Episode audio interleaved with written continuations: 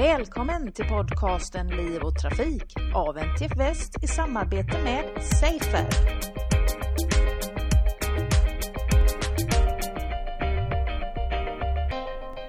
Det är den 27 maj och Liv och Trafikpodden befinner sig på NTFs eh, trafiksäkerhetskonferens med rubriken Nollvisionen glömde vi människan på vägen.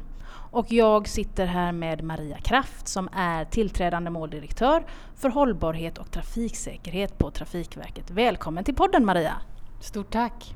Frågeställningen här idag rör sig kring om vi har glömt människan på vägen i nollvisionsarbetet. Och jag har precis hört dig berätta att du tänker tvärtom att det är fokuset på människan som faktiskt varit nyckeln bakom nollvisionens framgångssaga. Kan du berätta lite hur du tänker? Ja, men genom att vi utgår ifrån när slår vi oss, när uppstår skador och hur kan vi utforma, hur kan vi stödja det på ett bättre sätt. Exempelvis att vi har fått cirkulationsplatser som har tagit bort sidokollisioner där jättemånga strök med.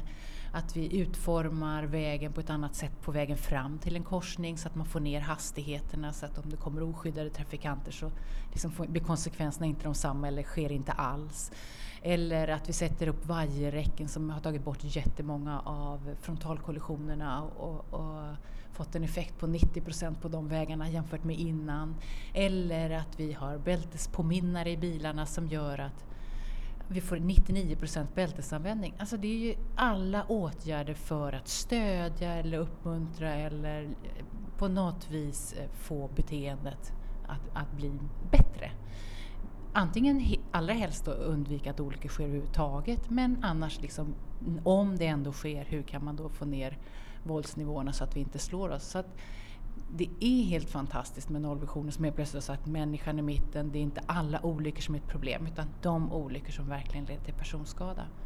Och det är också det vi har sett resultatet ifrån. Så att vi har, i och med att vi har satt det i, mitt, i centrum, att det är människans beteende och dess tillkortakommanden som vi liksom bygger hela transportsystemet för, så har vi också, är vi just nu bland världens bästa länder i att skydda våra åkande.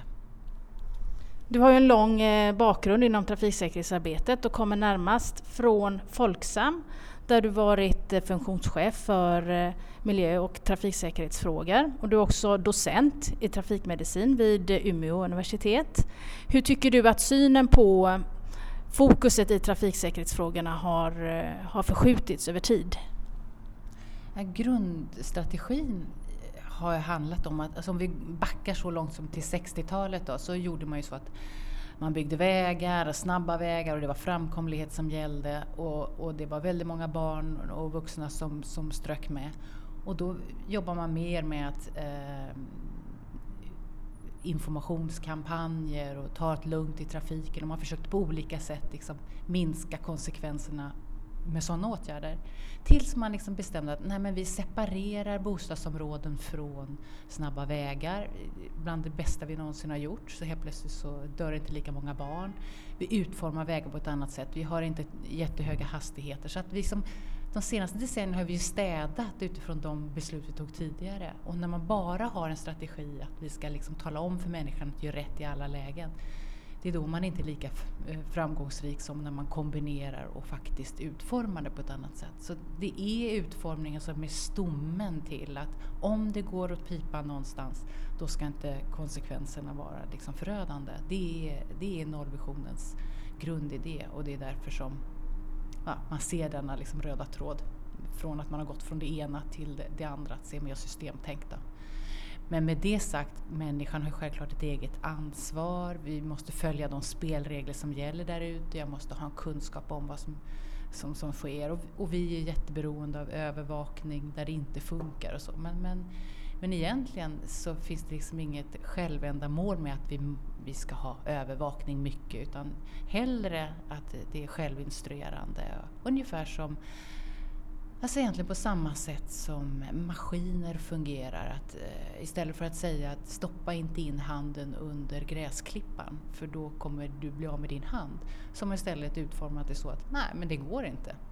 Eller någon annan sågmaskin. Och det är egentligen det tänket och den forskningen och kunskap man har om människans beteende. Det är den vi försöker applicera i trafiken också. Vi pratar här idag om nollvisionen 2.0. Vad är det som är 2.0? Vad är det som har hänt med nollvisionen? I och med att vi var väldigt framgångsrika och vi har haft enormt fokus på, på dödade i trafiken och, och har ju minskat det radikalt de senaste åren så är det så att den grupp som, som sticker ut mer och mer det är de allvarligt skadade, det är oskyddade trafikanter, alltså fotgängare och cyklister och även MC och moped. Och där har vi inte alls haft samma eh, positiva utveckling. Och när vi liksom eh, lägger mer krut på den gruppen, då hamnar vi väldigt mycket i städerna för det är där de skadorna sker i första hand. Eh, och, och staden har liksom, står inför massa andra utmaningar och inte bara trafiksäkerhetsfrågor. Så vi behöver liksom samarbeta på ett annat sätt med miljösidan, med äh, saker som har med buller och livskvalitet och andra saker som har med transportsystemet att göra och kan inte bara plocka ut en fråga och tro att vi kan bygga eh, infrastrukturen utifrån det eller att styra stadens arbete. Så att 2.0 handlar egentligen om hur kan vi av det goda vi har från nollvisionsarbetet stoppa in i en mer större helhetssyn kring ett hållbart transportsystem. Hur ser du på eh, olycksutvecklingen nu med exempelvis de allvarligt skadade cyklisterna? Vad är den rätta strategin för att möta den kanske då negativa trend som har utvecklats här? Och egentligen är det inte negativ utan det som vi ser är ju att vi har exakt samma infrastruktur, eller nästan densamma, för cyklisterna som vi haft under väldigt lång tid. Men det är fler som cyklar, automatiskt får vi fler skadade. Och det är positivt att fler cyklar. Återigen, vi behöver se helheten och inte bara själva trafiksäkerhetsfrågan. Alltså vi vill att människor rör sig mycket mer, det finns massa hälsovinster. Ehm, så vi, de utmaningarna på cykelsidan handlar om bättre underhåll alltså på, med grus och löv och liknande för vi ser, vi ser att de allra flesta cyklist, cykelskadorna sker när man trillar omkull på egen hand och friktionen försvinner. Så underhållet är viktigt. Vi behöver en mer egen infrastruktur eller en bättre kombinerad infrastruktur med, med, med bilen och fotgängare. Eh, och den, det räcker liksom inte där vi är idag. Och vi behöver bli duktigare på det här med att skydda oss också med hjälm och sådana saker. För, för vi går i backen i alla fall. Så, att, så de delarna behöver också vara med. Den grupp som är allra mest utsatt eh, inom eh, eh, olycksstatistiken när det kommer till dödsolyckor är ju äldre, 75 plus. Hur tänker du kring den gruppen? Hur kan man eh, minska deras risker i trafiken? För äldre då är det ju mycket eh, som oskyddade, som cyklister eller som fotgängare. Och, och, där har vi en utmaning därför att det är en väldig skillnad i man, vilket våld man klarar när man är äldre kontra när man är eh, i de yngre åren. Eh, så jag tror ju att om vi pratar om bilarnas utveckling så så är eh, det här att bilar som faktiskt känner av att en fotgängare kommer och cyklist kommer och så, den är viktig för att vi ska kunna få ner det. Eftersom det Eh, och sen så är det ju infrastrukturen i städerna, så att få ner hastigheterna i de här konfliktpunkterna. Och sen om man ska vara, tänka nytt så är det ju frågan om det är inte speciellt bra att vi har hård sten överallt. För när man väl trillar av cykeln eller som fotgängare trillar i backen så är det en hård asfalt man möter och det är då frakturerna sker om vi nu pratar frakturer. Och, och, och där är, eh, skulle det vara en utmaning att tänka, vi behöver inte samma hårda asfalt på, på promenadstråken och cykelbanan som man har på vägbanan. Utan det skulle kanske eventuellt kunna vara lite stötupptagande eller se på något annat sätt. Det är sånt som testas just nu men det, det är ändå en öppning än att bara tänka sten, sten, sten i alla lägen. Eh, en annan utsatt eh, trafikant Eh, kategori är unga män 18 till 24 år. Vad tänker du kring eh, de risker som unga män utsätter sig själva och andra för? Det här är ingen ny eh, fråga utan den har ju funnits egentligen vilken, nästan vilken olycksstatistik du tittar på, inte bara i trafiken, så är det unga män som, som man tar högre risker, man upplever sig odödlig och vi ser ju att så fort det är alkohol in, eh, involverat så liksom får du träff på allt annat. Alltså du får högre hastigheter och obälte och så vidare. Så även om jag tar ett klokt beslut innan, så när alkoholen finns där så liksom trillar det igenom. Så jag tror en av nyckelfrågorna är trots allt att vi behöver komma till rätta med alkolås eh, så att man faktiskt inte, och då är det inte bara ungdomar det handlar om.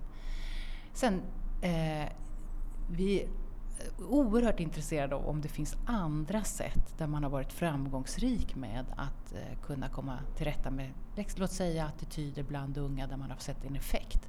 Men eh, jag känner inte till några sådana studier än så länge som har varit riktigt framgångsrika där man säger att genom att prata attityder med unga så helt plötsligt, eller att vi får dem i skolan och lära sig vissa saker så försvinner de här sakerna. För det är någonting vi har gjort under väldigt lång tid men inte varit sådär väldigt framgångsrika med, varken i Sverige eller i andra länder. Så att här, det här är en utmaning. Vi behöver, vi behöver nya verktyg, vi behöver hjälp med att liksom se hur vi skulle kunna komma och bli mer framgångsrika. Konferensen här idag har ju pratat en del om evidensbaserade metoder, hur man ska förhålla sig till det ur ett folkhälsoperspektiv. Vad tänker du kring vad som är evidensbaserat? Vilka krav ska vi ställa och hur ska man tänka kring kampanjer, exempelvis Sluta rattsurfa? Har den typen av insatser effekt? Som vi börjar med kampanjer eh, så visar internationell forskning att, om, att man bara gör en kampanjåtgärd eh, och talar om ett budskap och sen så kliver ur igen så har det väldigt marginell effekt om ens någon. Däremot har man sett en mer positiv effekt om du kombinerar en kampanj med någon annan aktivitet där du inför någonting, om det är så ett lagkrav eller en eh, hastighetsövervakningsinsatsvecka eh, och sådana saker. Då får du en, en mera hållbar eh, positiv effekt. Så vi behöver liksom jobba på annat sätt. Jag tror kampanjer för hela befolkningen att skicka rakt ut. Eh, hellre att vi liksom jobbar mot målgrupper där vi verkligen vill komma och hellre mot ledarskapet, företag, mot kommuner, mot liknande där vi vet där, där musklerna finns att göra en förändring. Eh, så, så, det är den tanken. Det vi frågar här om evidensbaserat, alltså man behöver inte ha blind test, eh, kontroll, kontrollgrupp. Det är inte det som vi pratar om utan det räcker med att göra utvärderingar före och efter en åtgärd och gärna göra sån forskning som visar att vi utvärderar det. Har det god effekt, ja då är det självklart sånt vi ska använda oss av. Vi som är bara ute efter att hitta metoder att bli mer framgångsrika, att skydda liv. Det är egentligen vad, vår uppgift. Som jag förstår det rätt så ska beteendepåverkan eh, direkt genom informationsinsatser och liknande vara där musklerna finns att påverka normerna på ett mer övergripande plan, exempelvis kommuner. Eh, finns det fler aktörer som skulle kunna ha de här musklerna och som kan använda sin roll effektivare på ett annat sätt kanske? Företagen som står för en väldigt stor del av trafikflödet ut på våra vägar, de sitter ju på en stark pusselbit. De har ett varumärke att tänka på, de har en arbetsmiljö att tänka på. De behöver hjälp med hur de kan stimulera och också mäta och återkoppla hur deras anställda kör på ett vettigt sätt. Eh, och det finns sådana, det brukar vara såna här sparsam körning liknande aktiviteter, men de kan liksom inte bara vara en vecka eller två och sen återgår allt till det vanliga utan det behöver vara mer långsiktiga åtgärder. Och de, den gruppen och, och även ISO-standarder där man committar sig till hur man uppträder i trafiken eh, skulle kunna vara den här breaking point där man liksom sätter en ny standard på, på, vägarna därför att då följer alla andra efter det och kör på det sättet. Så skulle vi få yrkestrafiken att köra långsammare så skulle det dra med sig andra bilister också. Nu är det bara några dagar kvar och sen så tillträder du på Trafikverket som måldirektör. Vad kommer vara dina prioriteringar tror du under första året? Vi måste jobba bredare. Vi kan inte se trafiksäkerhet som ett stuprörsproblem. Vi behöver samarbeta med andra hälsoområden som har med miljö att göra, framkomligheten, eh, vad är livskvaliteten i, i, i transportsystem? Alltså vad är, en håll, vad är ett hållbart transportsystem?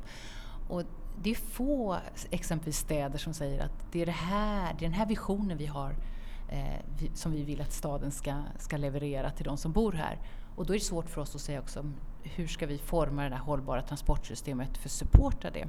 För att bygga ett transportsystem som går fort och, och eh, det har vi liksom testat förut, men hur, gör vi, hur bygger vi det så att det både liksom tar hänsyn till att vi får ner bullernivåer, att vi får det trafiksäkert, att det känns tryggt och att det känns bejakande överhuvudtaget att man vill vara i det området.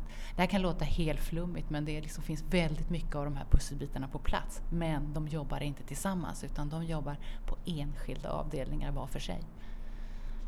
Ja, du har en diger uppgift framför dig så att eh, vi önskar dig all lycka till och nu ska vi återgå till konferensprogrammet. Tack så mycket! Stort tack ska du ha!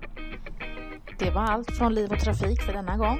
Jag heter Angela Elvård och tack för att ni har lyssnat.